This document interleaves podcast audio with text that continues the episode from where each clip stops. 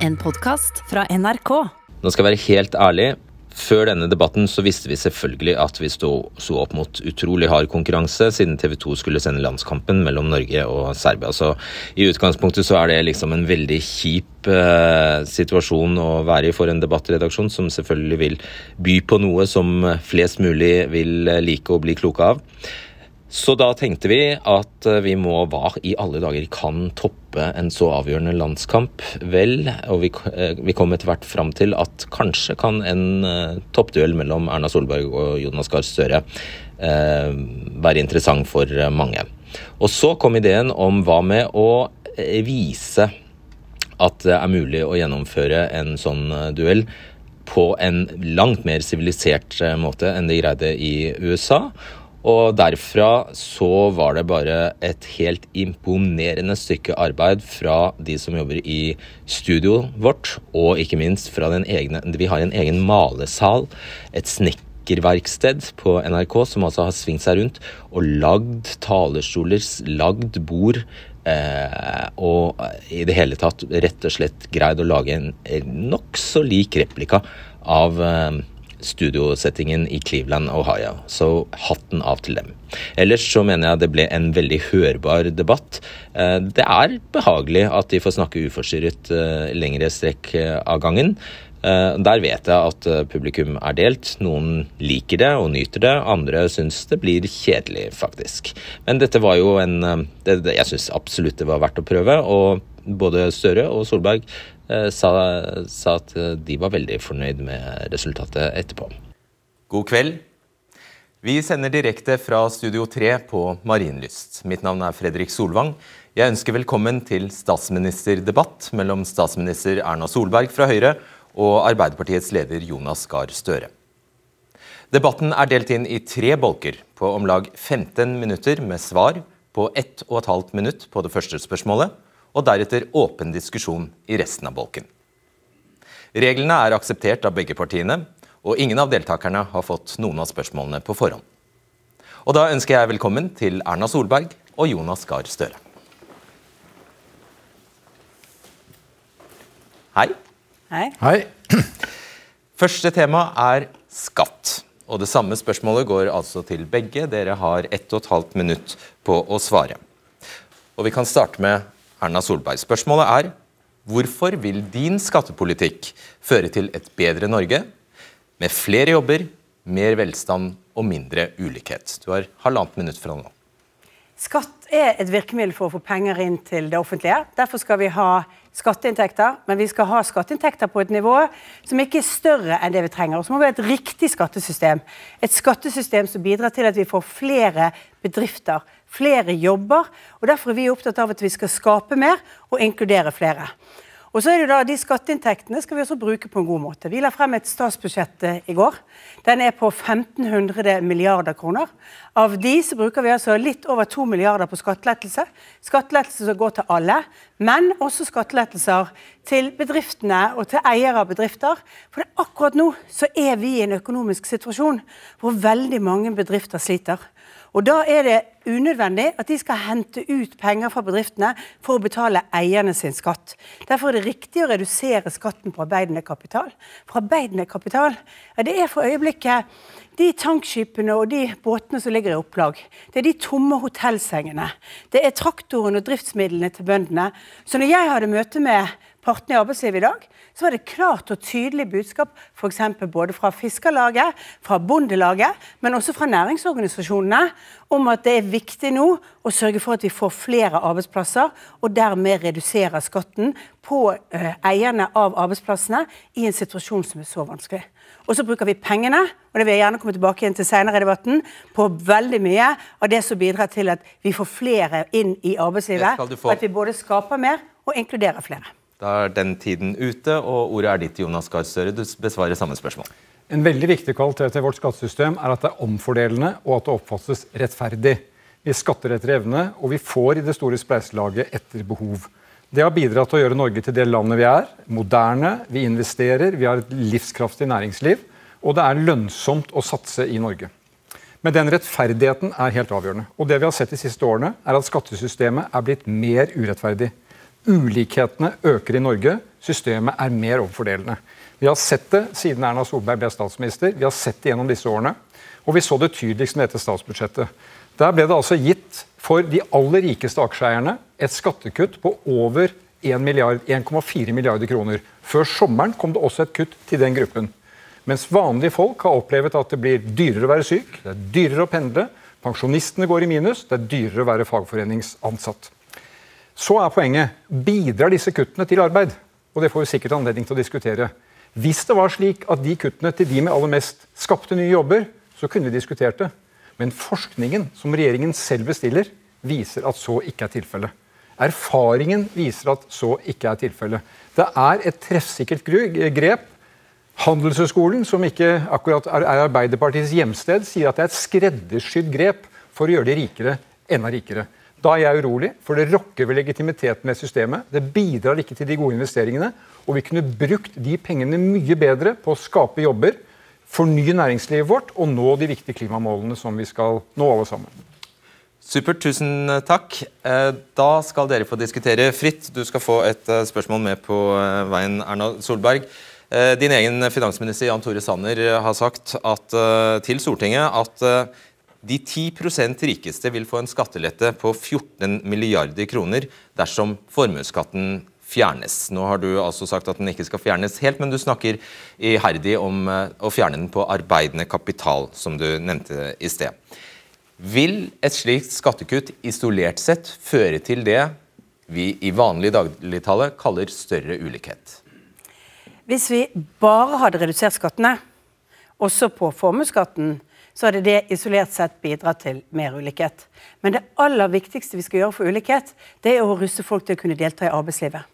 Noe av den største ulikheten vi har i vårt samfunn, det er mellom de som er i arbeidslivet og de som er utenfor arbeidslivet.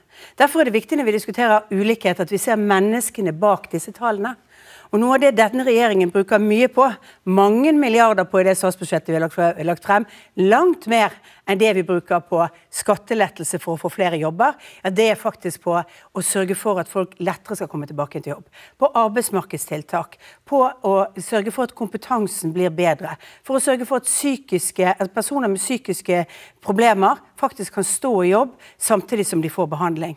Det er å sørge for at vi bidrar til at enda flere kan gjennomføre videregående opplæring. Dette går til kjernen av det som er problemet med ulikhet, nemlig at noen føler at de ikke kan delta i samfunnet i det hele tatt. Og derfor derfor er det jo sånn at Skal vi se på menneskene, skal vi se på systemet, ja, så må vi faktisk gå inn og se på alle de rekken tiltak som vi altså bruker minst tror jeg, 4 milliarder kroner mer neste år på å få gjort ting med. Og Støre, dette er du jo i prinsippet ikke ja. uenig i, faktisk. Så jeg hva er forskjellen? Jeg mener at flere av de satsingene burde vært mer kraftfulle. Nå har det stått veldig stille med sånne tiltak til å få folk inn i arbeid. Det må vi trappe opp kraftig nå med den høye ledigheten. Men opptrappingen av de tiltakene er jo mye lavere enn den kraftige veksten i ledighet. Men tilbake til temaet ulikhet. Hva er det vi har sett de siste årene? Det vi har sett, og regjeringen har skrevet i sine egne rapporter, og forskerne viser det, er at de aller øverst på toppen de stikker ifra. Mens de 20-30 nederst de blir hengende etter. Så dette er et strukturelt forhold til vårt samfunn. Vi blir mer ulike. De internasjonale sammenligningene peker på at Norge har nå formuesulikhet, som det heter, på linje med Storbritannia. Noen viser at vi har større forskjeller enn USA i de store formuegapene. Det er Norge av i dag. På inntekt så, ser, så sier Statistisk sentralbyrå at de som tjener mest, de tjener mer og skatter mindre. I dag er det slik at De aller rikeste de betaler mindre skatt for hver tusenlapp de tjener, enn en sykepleier enn en helsefagarbeider. Og da Fredrik Solvang, nå er vi i en litt sånn amerikansk setting. Eh, vi kjenner jo igjen den. Da er vi i ferd med å få kjennetegn ved Norge som jeg mener svekker det spleiselagets veldige styrke. Nemlig med at vi omfordeler rettferdig. Hadde vi omfordelt mer rettferdig, så hadde vi hatt flere kraftige virkemidler til å få folk i arbeid. Få ny næringsvirksomhet. Flere jobber faktisk, og det igjen fører til mindre ulikhet. Nettopp. nettopp. ja, men Ved å gi skattelette til de toppe, i toppen, og ikke se seg, blind, se, se, se seg, blind, på at ja, det kan hende de stikker litt av, eller ja, det kan hende de blir jo, litt rikere, så fører det til flere jobber der nede, sier hun. Vi er ganske pragmatiske. Hvis det var slik at disse vedvarende kuttene på toppen i de som har aller mest, kunne dokumentere se her kommer arbeidsplassene, her kommer investeringene. Da kunne vi sagt ok, kanskje er det noe vi må tillate og akseptere og godta og støtte. Men det gjør jo ikke det. Det øker forskjellene oss imellom. Det er ikke mulig å dokumentere det. Og tvert imot så bestiller regjeringen en rapport som kom for noen dager siden som sier at formuesskatten slik den er innrettet i dag, bidrar til flere arbeidsplasser. Iallfall ikke til det motsatte. For det første så er den eh, rapporten nå ganske omdiskutert faglig. Den sier egentlig ikke så mye mer enn at folk tilpasser seg det skattesystemet som er, og plasserer pengene på de områdene hvor det blir lavest skatt. Men det som jeg synes er viktig, jeg, jeg hører mye sterke ord fra Jonas Gahr Støre i disse dager. Bl.a. dette med at formuessituasjonen i Norge nå, ulikheten, er like stor som den i Storbritannia. Og se fysj om for et klassesamfunn Storbritannia er. Jeg har forsøkt å lete etter kilden til dette. Og jeg tror jeg har funnet den, for det er bare ett sted den fins. Det er altså en OECD-rapport som sier at Norge på formuessiden ligger på snittet i Europa. Det gjør også Storbritannia. Men Danmark har større. Tyskland har større. Irland har større. Østerrike har større forskjeller enn oss. Så det bildet som gis liksom at nå er Norge blitt versting, det er faktisk ikke sant. Vi ligger midt på treet av OECD-landene når det gjelder formue. Ja, sosial, altså, det tradisjonelt sosialdemokratiske Norge vil mange innvende da det er, i, det, I det landet er du fornøyd med å ligge midt på treet i ulikhet? Nei, ikke ulikhet. Dette var i formuesverdiene. Altså i ulikhet på det. I ulikhet, For i, i ulikhet Ja. så er Norge omtrent europamester og nesten verdensmester. Vi er blant de absolutt beste landene. Og det er fordi at vi bruker penger på statsbudsjettet til å motvirke ulikheten. Så i tillegg til det du kan lese av skattetabeller, så må vi se på hvordan bruker vi penger i Norge. Når vi ser på hvordan vi bruker de offentlige ytelsene, ja, så er det mye mindre ulikhet i Norge enn de tallene som Jonas nå ønsker å bruke. Fordi vi jobber systematisk, og det syns jeg er viktig.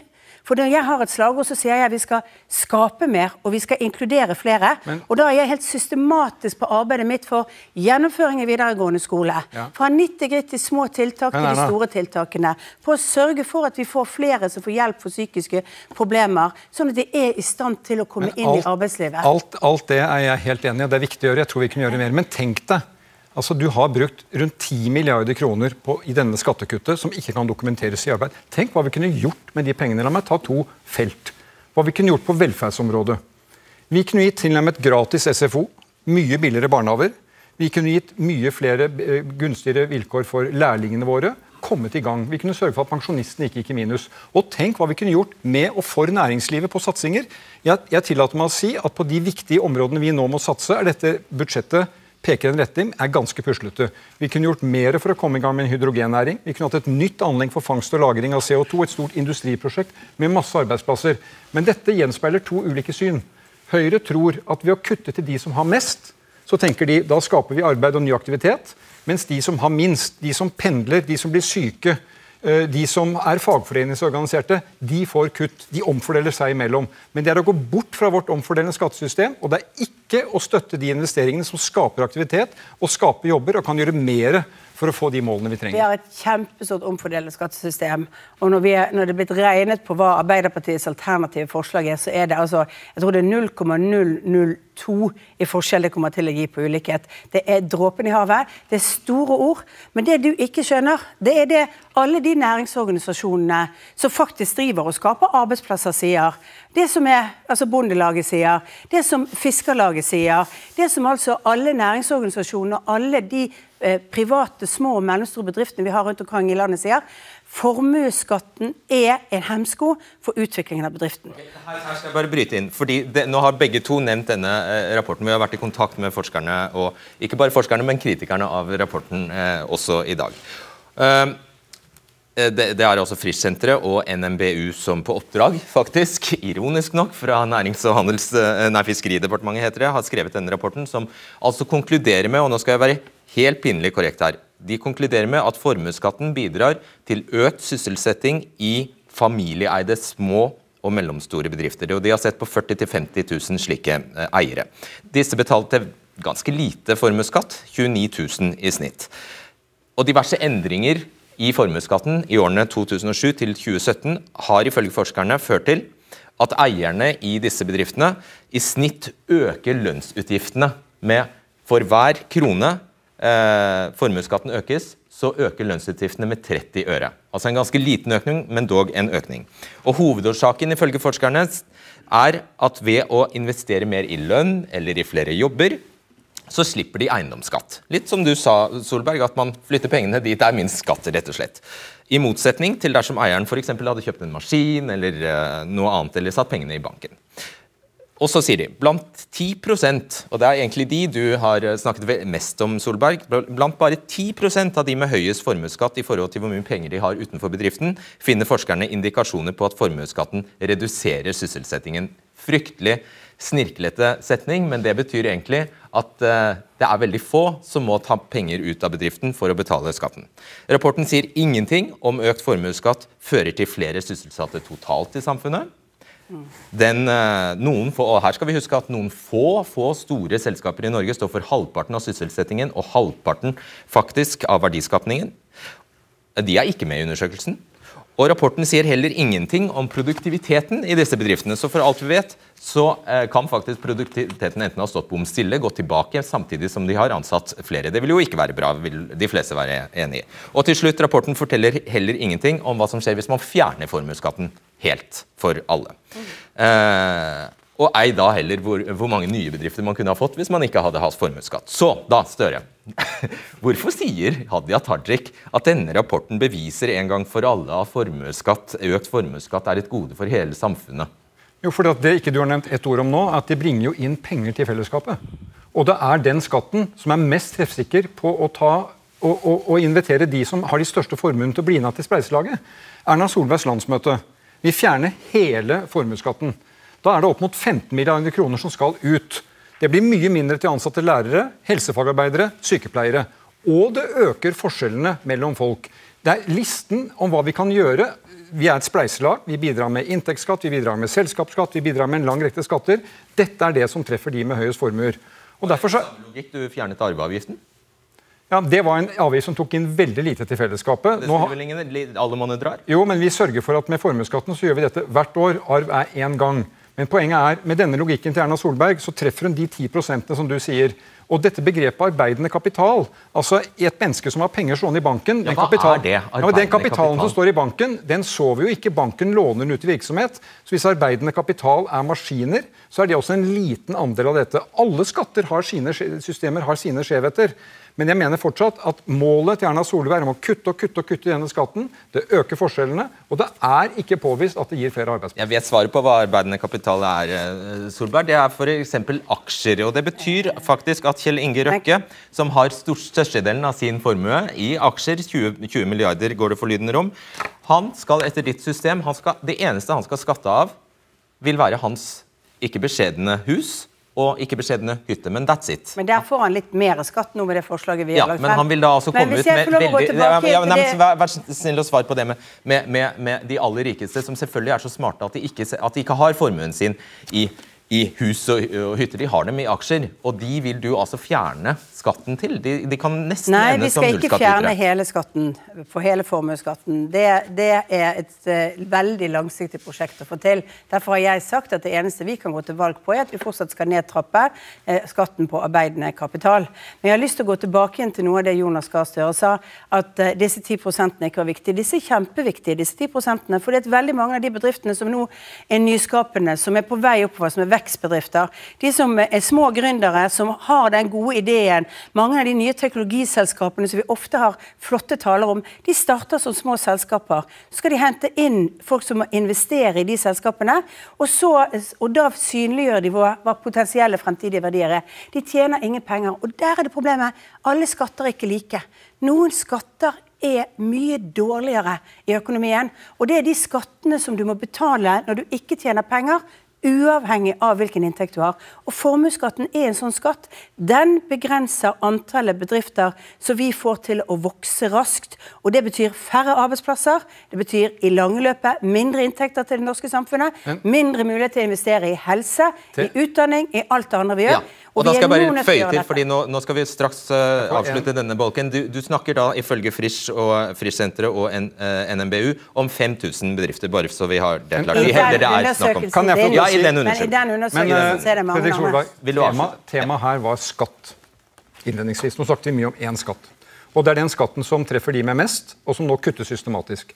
Men folk som går på jobb i Norge, de må betale mer for å pendle, mer for å bli syke, de må betale en skatt. Skattekuttene på inntekt kommer med de over en million. Mitt utgangspunkt var å si dette er ikke særlig bra for investeringer og nye jobber, og det øker forskjellene. Og et Norge der forskjellene øker, Det er et mindre norsk velferdssamfunn med det produktive systemet vi har. Rettferdigheten er en viktig element, og den blir svekket med dette systemet. og det er vi sterkt kritisk til. Men Den viktigste testen på om det Jonas Gahr Støre sier er riktig om at, gir, at, de betaler mindre skatt til rike, det er å se på hvor stor andel betaler de 10% rikeste i Norge av, av skattebyrden. Og da er det sånn at Under denne regjeringen så har de betalt litt mer av skattene som betales i Norge, enn det de gjorde før, og litt mer andel altså i forhold til andre. Så vi har gitt mer skattelettelse til de som har lave inntekter. Og vi har gitt noe som vi har vært felles om, å senke selskapsskatten. Men dette er altså skatt på norsk eierskap. Og la meg bare si én ting om norsk eierskap. Rundt omkring i dette landet så er det veldig mange hardtarbeidende bedriftsledere som kjenner sitt lokalsamfunn. Det lokalsamfunnet går de i det samme idrettslaget som, de går på det samme butikken. De kjenner hverandre. De står mer opp for sin bedrift enn det utenlandske eiere kommer til å gjøre okay. når det er, går litt hardt for Anna, seg. Du, og du... Derfor er det viktig å sørge for at norsk nasjonalt eierskap faktisk blir stimulert, ikke straffet, og... sånn som Jonas Gahr Støre. Men nå er det, nå, siden, siden vi har debatten, vil stille et spørsmål. Siden du sa de 10 hvor mye de bidro med. Hvor mye eier den rikeste prosenten i Norge, av formuen i Norge? Jeg kan ikke tallet, men de eier mye av formuen fordi at de er med på å skape mange bedrifter og har stort eierskap. Men er det greit? Hvor mye kan den øke? Det, det, det, bare øker og øker. Hvor langt kan det gå før du syns det er urovekkende? Jeg synes, Når det gjelder ulikhetsdebatten, så er jeg mest opptatt av én ting.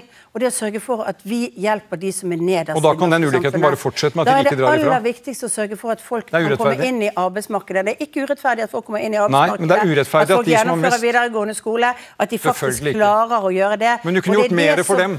Men det er det som burde vært hovedfokuset i ulikhetsdebatten. Erna Solberg og Jonas Gahr Støre. Ja. Vi respekterer ordstyret. Ja. ja, right. ok, Neste tema, da. Greit. Det er helse. Og igjen, samme spørsmål til begge. Du begynner, eh, Støre. Hvorfor vil din helsepolitikk føre til kortere køer, bedre behandling og mer effektiv drift av sykehusene? Vi har sett nå hvordan vårt helsevesen har svart på en pandemi, en krise, til å gi oss trygghet. De har samtidig opplevd en stor utfordring med at mange mennesker ikke har fått behandling. De siste årene så har ventetiden i norske sykehus økt. Det var før koronaen. Den gikk ned fra 2010 eh, til 2017, så har den økt igjen. Nå er det masse som ikke er behandlet. Hva trenger våre sykehus, vårt helsevesen? De trenger at vi investerer nok. Der har vi ligget kronisk under i årene med Erna Solberg. Vi må ha nok fagfolk, og de fagfolkene, helsefagarbeidere, sykepleiere, leger osv., de må ha faste, hele stillinger. Og så må vi ha økonomi til å kunne prøve ut nye løsninger, ha kreftmedisiner som er tilgjengelige for alle. Og så må sykehusene våre kunne jobbe på nye måter. Sykehusene er utrolig avanserte eh, hus.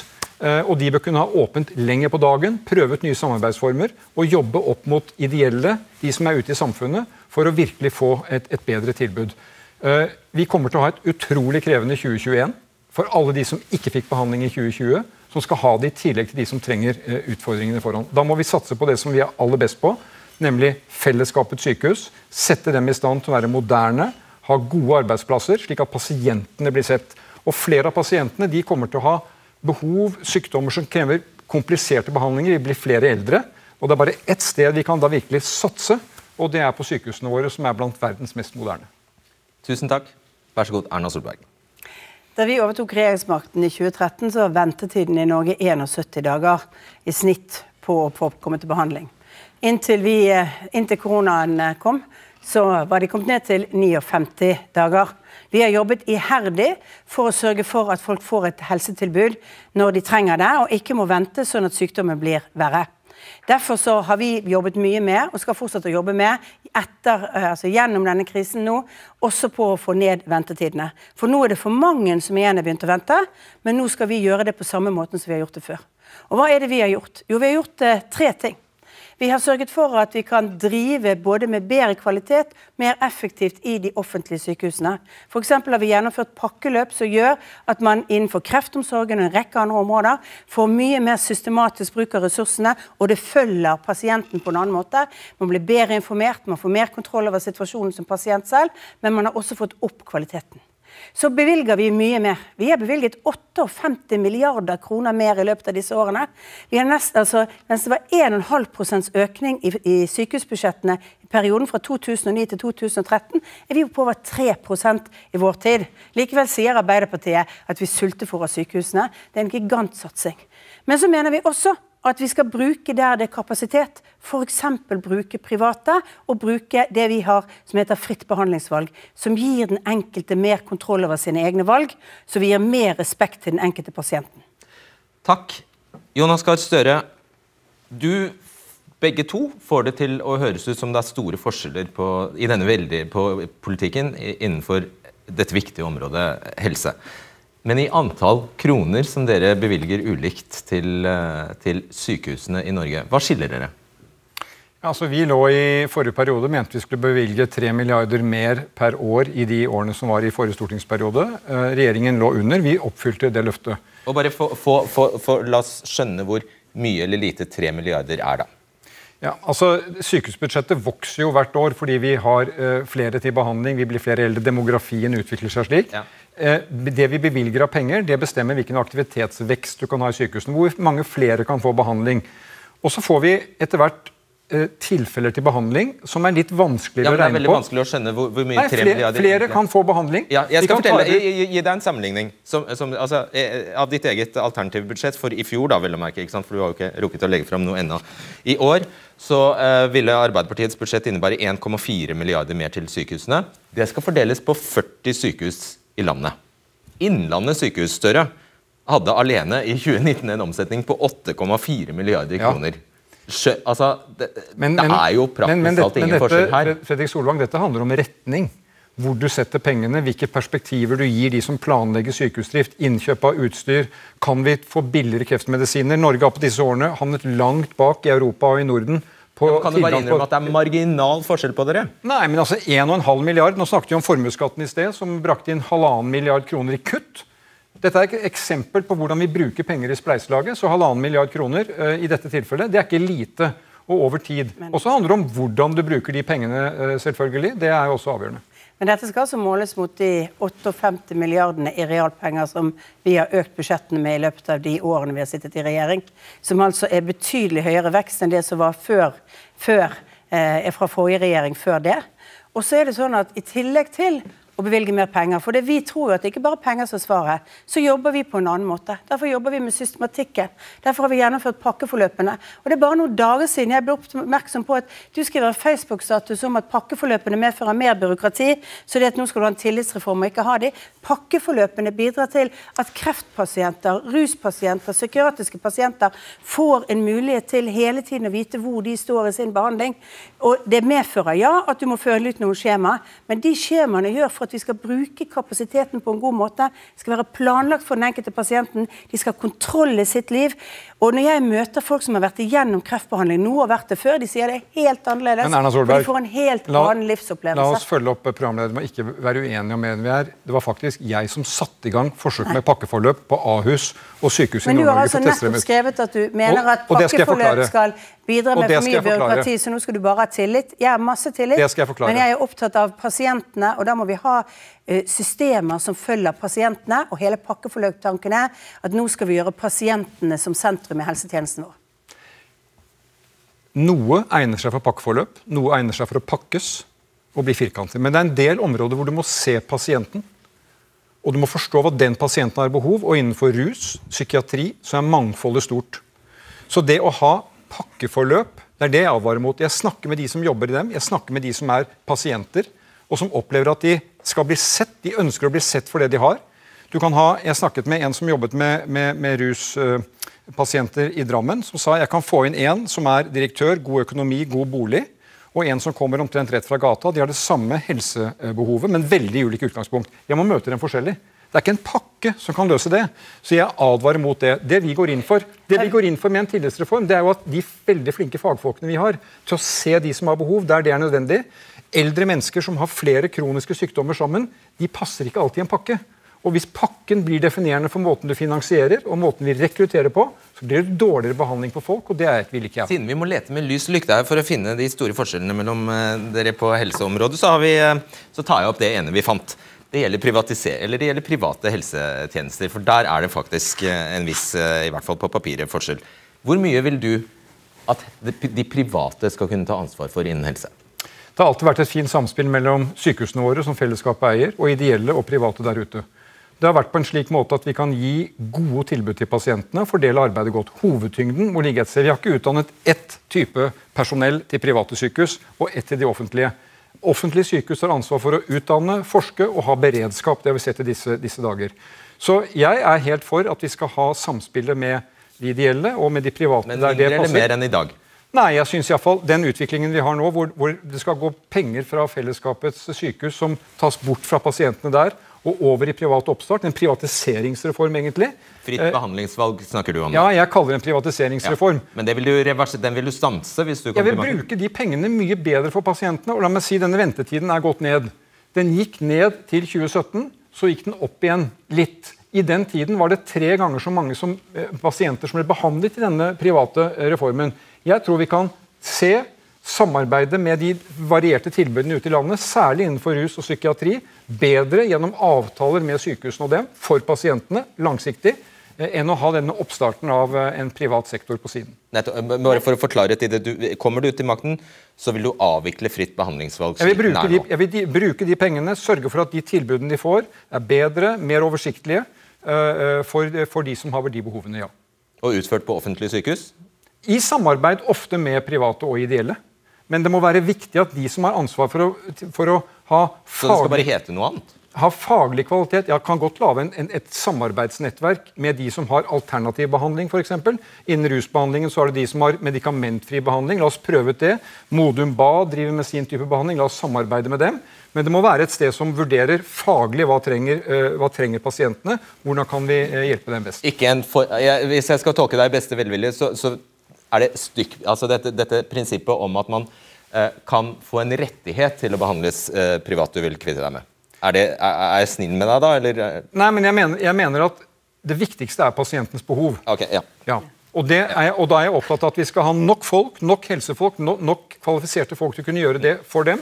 Eh, og da må sykehusene kunne sette den store kursen. Mm. Du viser eh, støtt og stadig til fritt behandlingsvalget, Erna Solberg. Eh, det er jo, altså Når man ser på tallene her, så er det jo ingen braksuksess, kan man si. 15 000 brukte fritt brukervalg i fjor, av to millioner behandlede mm. pasienter ved norske somatiske sykehus. Det er forsvinnende få, faktisk. Det er, må jo være veldig forstemmende egentlig for deg. Da. Men nei, nei, det er nei, sånn som det skal være. Fordi at, jeg skjønner når jeg hører på Jonas Gahr Støre at han har glemt pasientens rett til selvbestemmelse i sitt liv.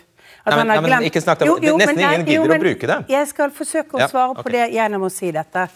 For det, det, er jo litt, det er et ideologisk begrunnelse for meg for fritt behandlingsvalg. For det første, du får godkjent at du skal behandles av det offentlige. Det er ikke noe du finner på selv. Du har et behov, du har rett til å velge når du har fått definert det behovet. Så det er kontroll på de som leverer, også på kvaliteten.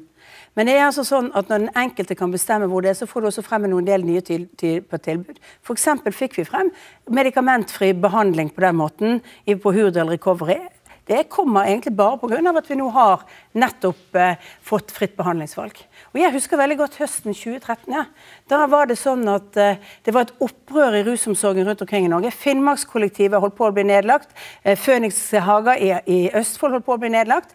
Men det som har vært viktig nå, er at nå blomstrer og vokser disse fordi vi kjøper noe mer privat gjennom, gjennom helseforetakene, men også fordi at de kan utvikle tilbud som gir andre tilbud til, eh, til brukere eh, som de kan velge selv. Bare, bare og Det er en utvikling av helsetjenester hvor vi har respekt nettopp for profesjoner og fagfolk. At noen tenker at de må jobbe Solberg, på en annen måte. Siden så veldig få har hørt om fritt behandlingsvalg, det er så lite kjent ordning, nesten ingen bruker den, så må du bare hjelpe oss å forklare hva logi... Altså, Mekanismen som er i sving her, er at det tas penger fra offentlige sykehus. Eksempelvis sykehuset i Telemark, som sier at de i 2020 bruker 40 millioner kroner på pasienter som da i stedet velger å behandles privat. Det kaller, kaller direktøren der en urimelig belastning. Altså Hele systemet handler om å tappe offentlige sykehus og føre de pengene inn Hele systemet handler om at i Norge så er det pasientene og brukerne sykehusene våre til for. Ikke den enkelte sykehusdirektør eller det enkelte sykehus. Det de har ansvar for i spesialisthelsetjenesten, det er faktisk for helheten i tilbudet. Og da er det sånn at det er noen luftehull i det tilbudet, som betyr at hvis du da har et ønske om å gå til en annen type behandling, om det er hos Frelserarmeen, om det er hos Blå Kors i Vennesla f.eks. Så det offentlige sykehuset er egentlig for stort, er det det du sier? Nei, kan jeg få svare ferdig, så skal jeg Kanskje. forklare. Hvis, du, hvis, det da er sånn at du ønsker å velge en annen behandling enn det som tilbys, så er det mulig å velge den behandlingen. Det er ekstremt viktig, og vi gjorde noe viktig som jeg mener ideologisk veldig viktig. Vi lot de som har psykiske lidelser, de som har rusproblemer, først få lov til å velge. For de opplever ofte at de sitter nederst ved bordet.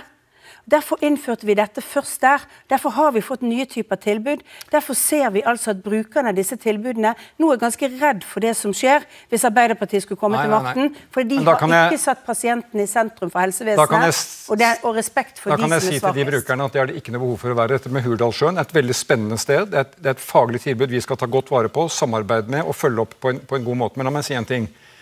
Åtte av ti nordmenn frykter todeling av helsevesenet. Seks av ti mener at vi er der allerede. Og Da dette privatiseringsreformen til eh, Bent Høie og Erna Solberg kom, så sa Bent Høie med denne reformen så forsvinner behovet for private helseforsikringer. Altså, Det er ikke folketrygden som holder, du må tegne privat helseforsikring. Da forsvinner det behovet. Nå har vi fasiten.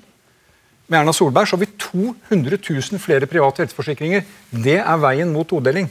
Og, og konsekvensen av det, fordi vi ikke utdanner ett sett folk som jobber i det private og ett sett i det offentlige Sykehusene må være, må, må være kjernen i det.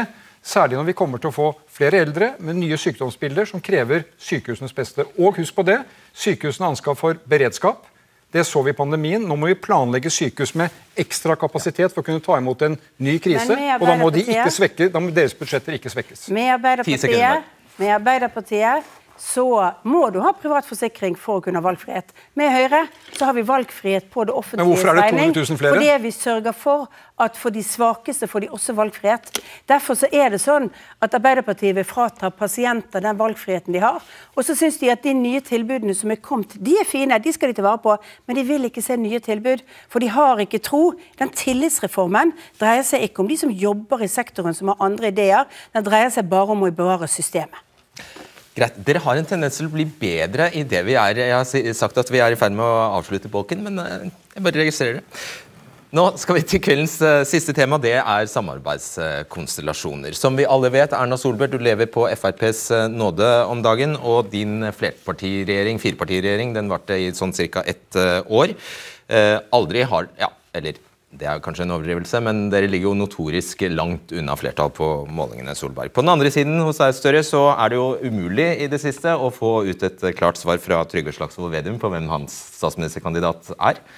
Eh, plutselig, sånn har det blitt. Og dessuten så lå altså Arbeiderpartiet på 18% på en måling her eh, om dagen. Senterpartiet eh, puster dere i nakken.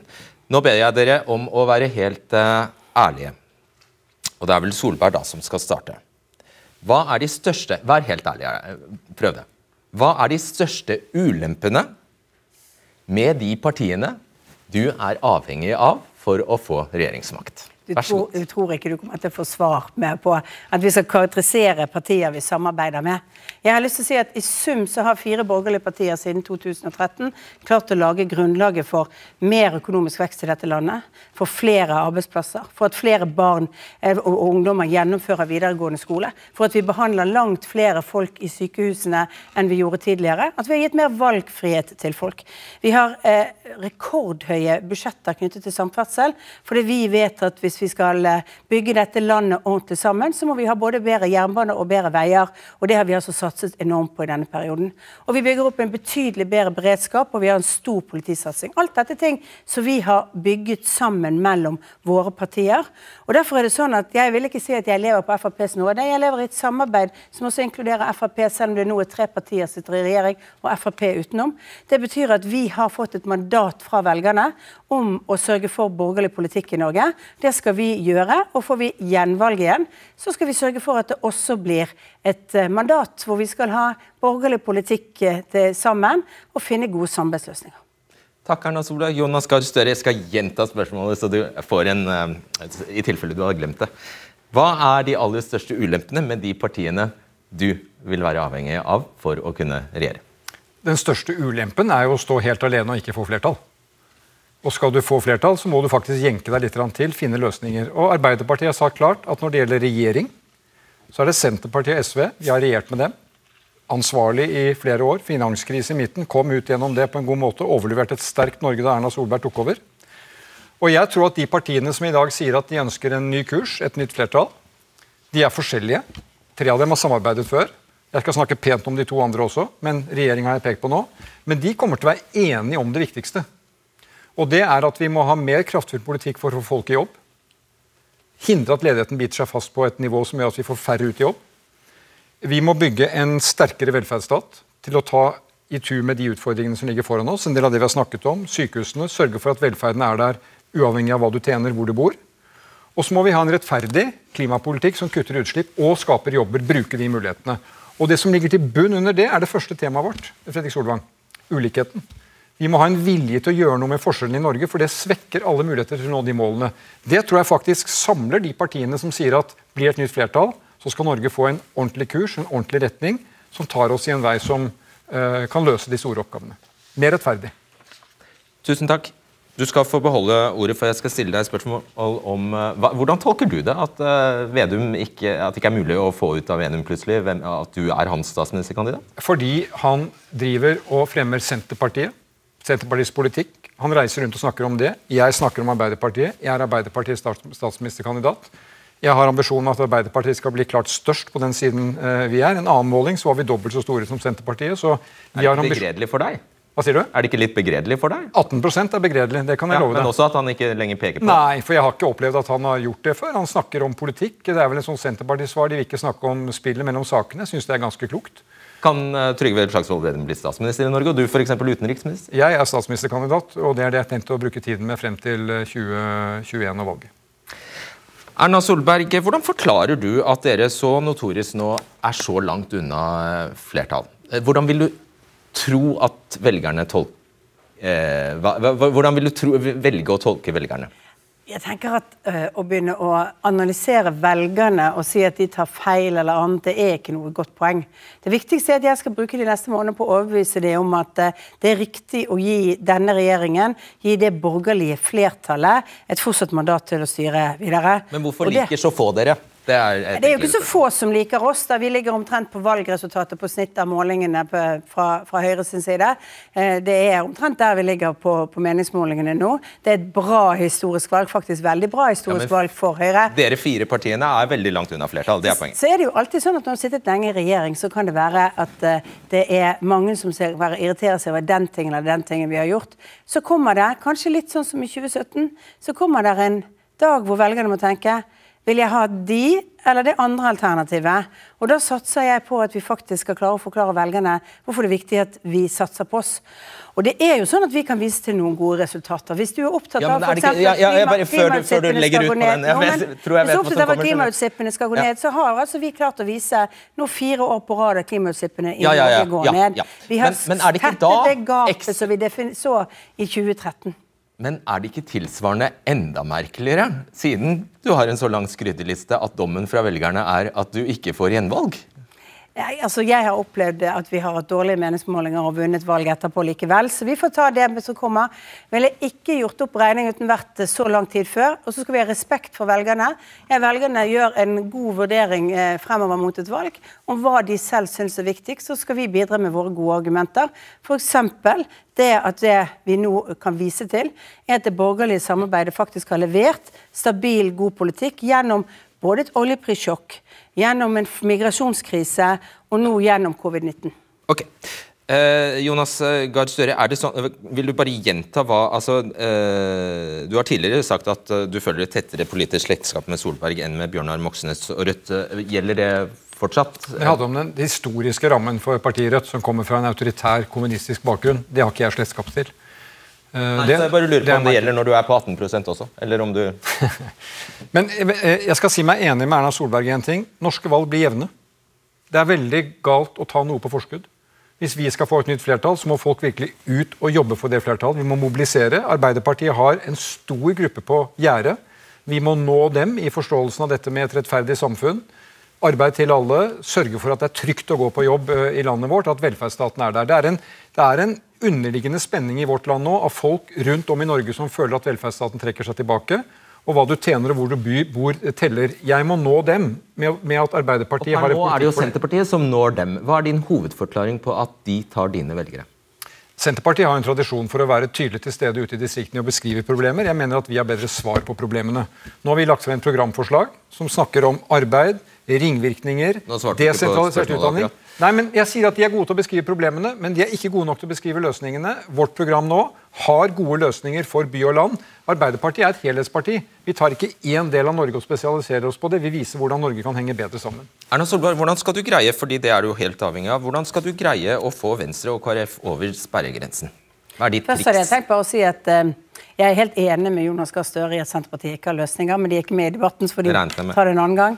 Uh, jeg tenker at Når vi ser på meningsmålingene nå, så uh, har på den siste meningsmålingen hvor Arbeiderpartiet hadde 18% så var jo både KrF og Venstre over sperregrensen på den målingen. Så vipper de litt opp og ned. Venstre har fått ny ledelse. Jeg tror de lenge har hatt en utfordring når det har vært litt uten tydelig lederfigur i et halvt år.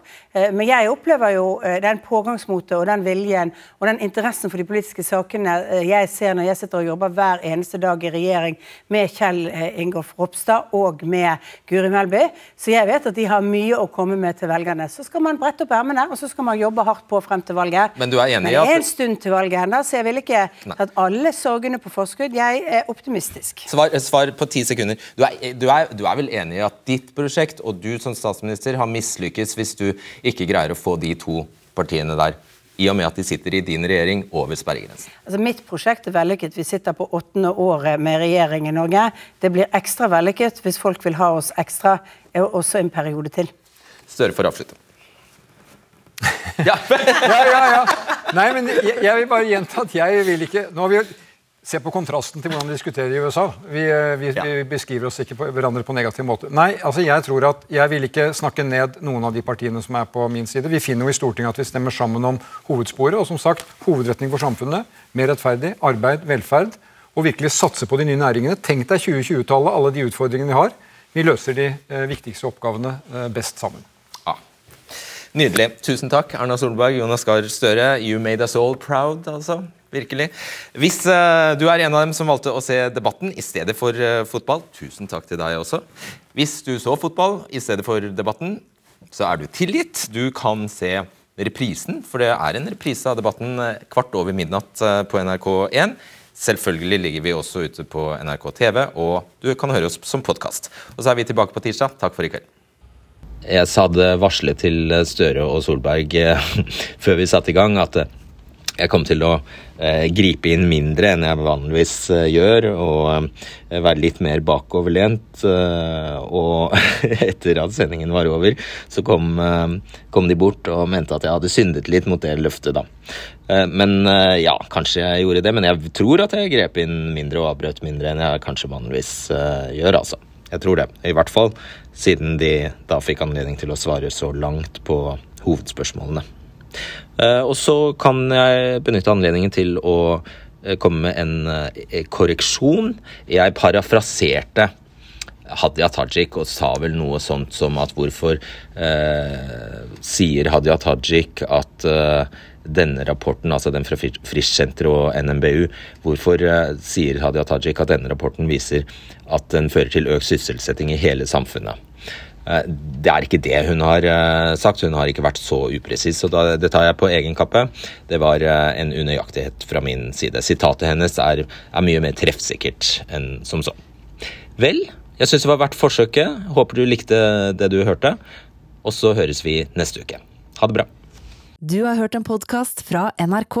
Hør flere podkaster og din NRK-kanal i appen NRK Radio.